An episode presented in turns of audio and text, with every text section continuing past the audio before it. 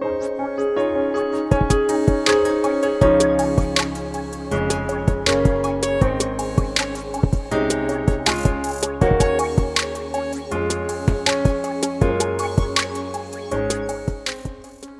kjennetegner vekkelsens barnebarn?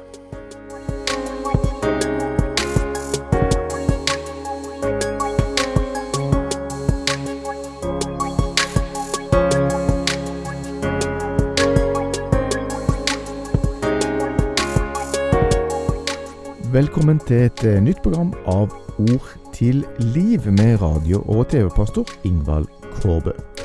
Podkasten er produsert av P7 Kristen Riksradio, som vil forkynne Jesus Kristus, slik at varig frukt skapes. Vi er takknemlige for alle våre støttespillere.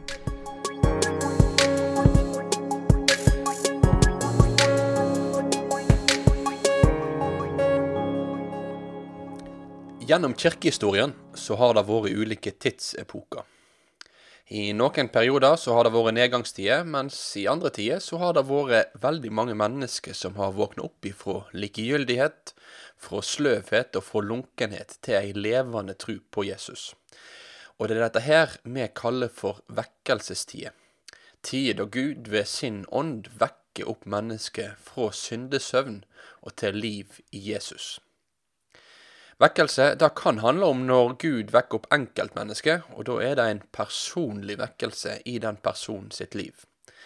Men hvis vi snakker om vekkelsestider, så er det tider preget av en kollektiv omvendelse til Herren, der mange mennesker i et land, i en by eller i ei bygd angrer sine synder og finner nytt håp i trua på Jesus. Norge har vært et land preget av ulike store og gjennomgripende vekkelser, og spesielt da på 1800-tallet og første halvdel av 1900-tallet.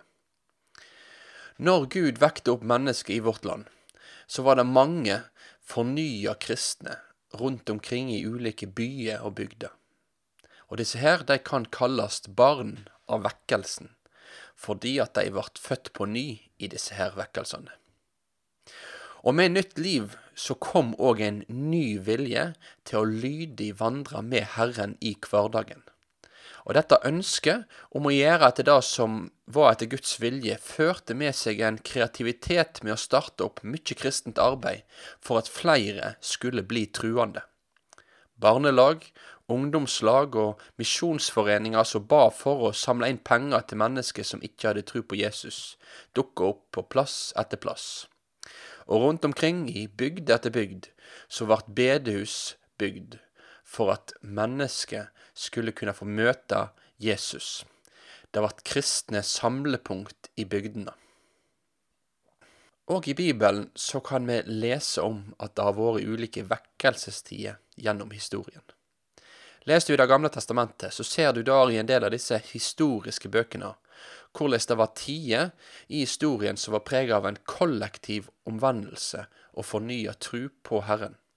Og at dette her da førte i neste omgang til en fornya troens lydighet i Guds folk. Vekkelsen kom, men så gikk tida. Så hva skjer da med neste generasjon? Hva skjer med de som ikke er vekkelsens barn, men vekkelsens barnebarn?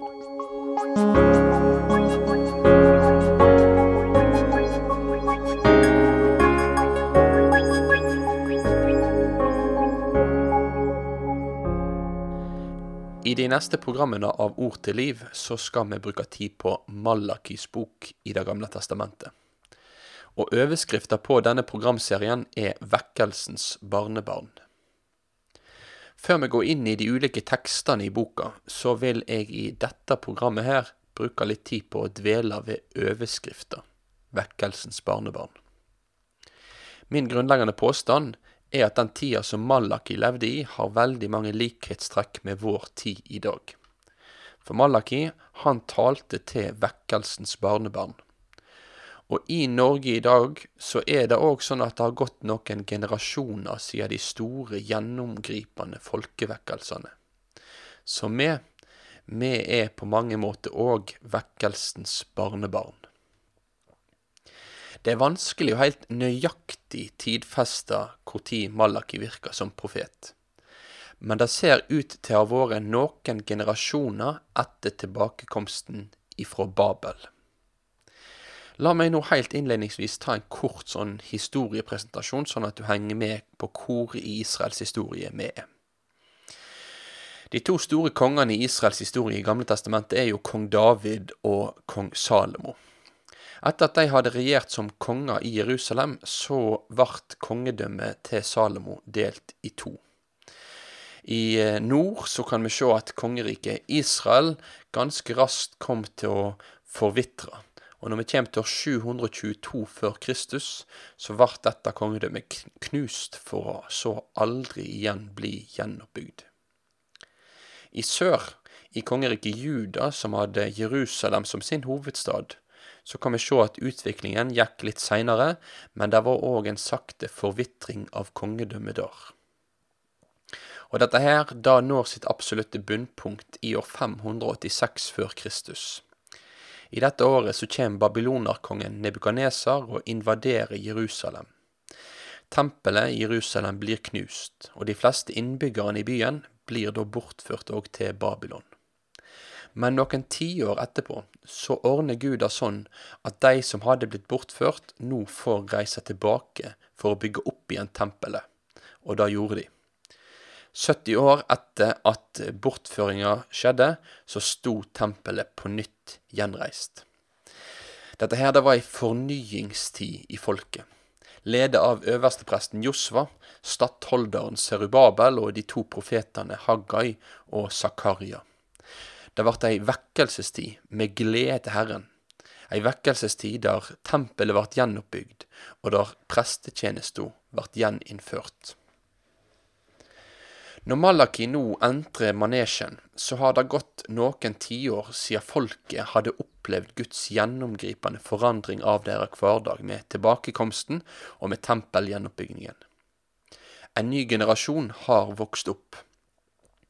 Og denne nye generasjonen de hadde ikke opplevd et liv uten tempel i et kongedømme langt borte fra deres heimplass. Landet og tempelet det var ikke ei gave som de hadde opplevd å få.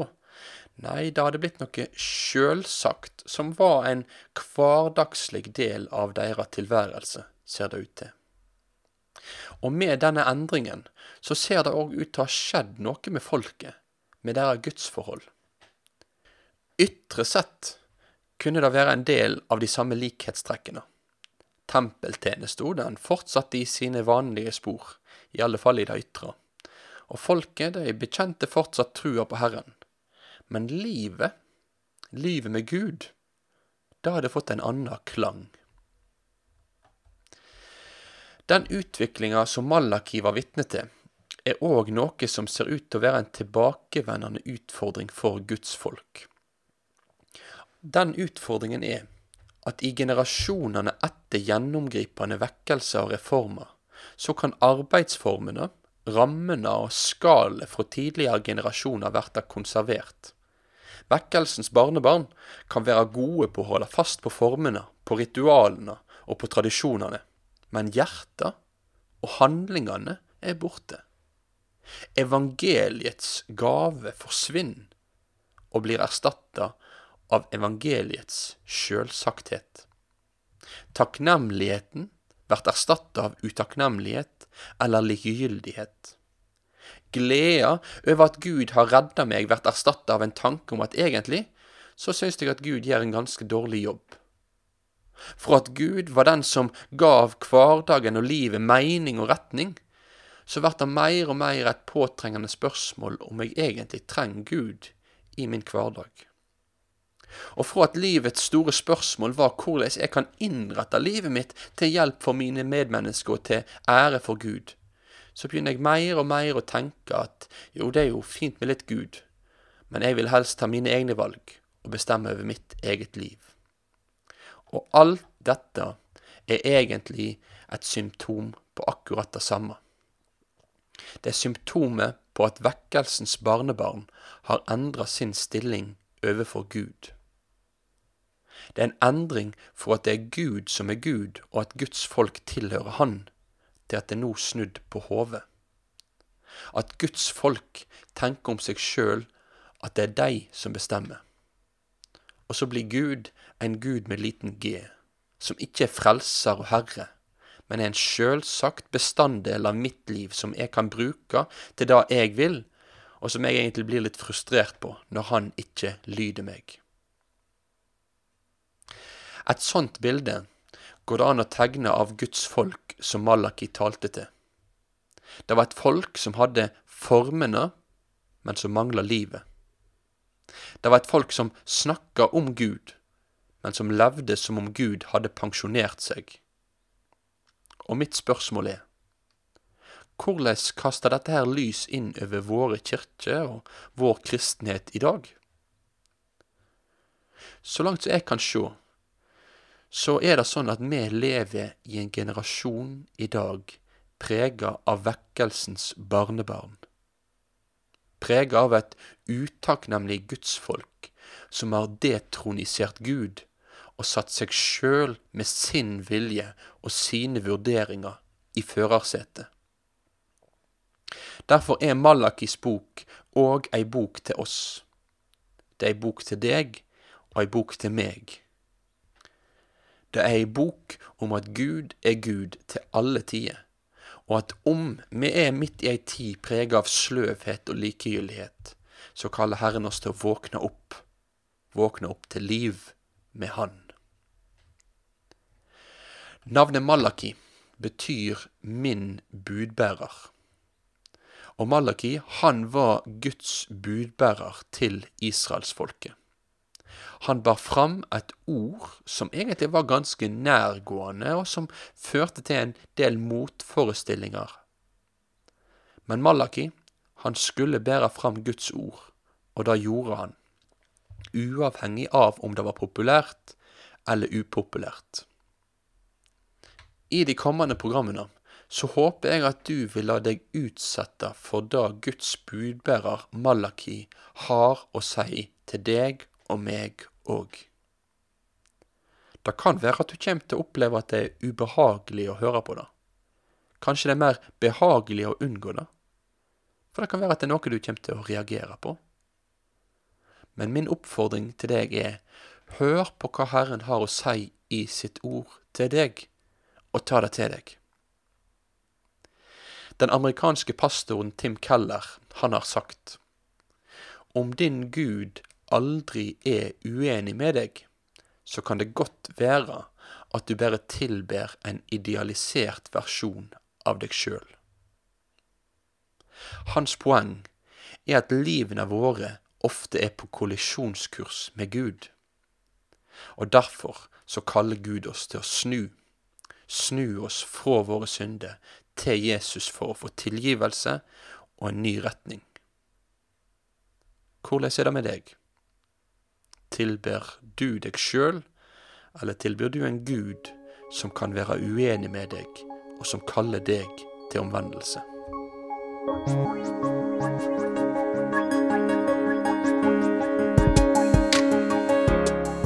Takk for at du hørte på Ord til liv med radio- og TV-pastor Ingvald Kårbø. Vi håper at podkasten har fått vært til velsignelse for deg. Og Har du tilbakemeldinger på det du har hørt, ta gjerne kontakt med oss på otl krøllalfa p7.no. P7 Kristen Riksradio ønsker med sine produksjoner å gi evangeliefokusert bibelundervisning til folket. Du finner mer godt innhold på p7.no.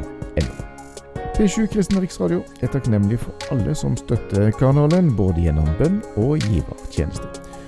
Om du vil være med og legge til rette for P7s framtidige drift, så er vi takknemlige for din støtte. Vips oss da gjerne allerede nå på nummer 5477767. Takk for din støtte.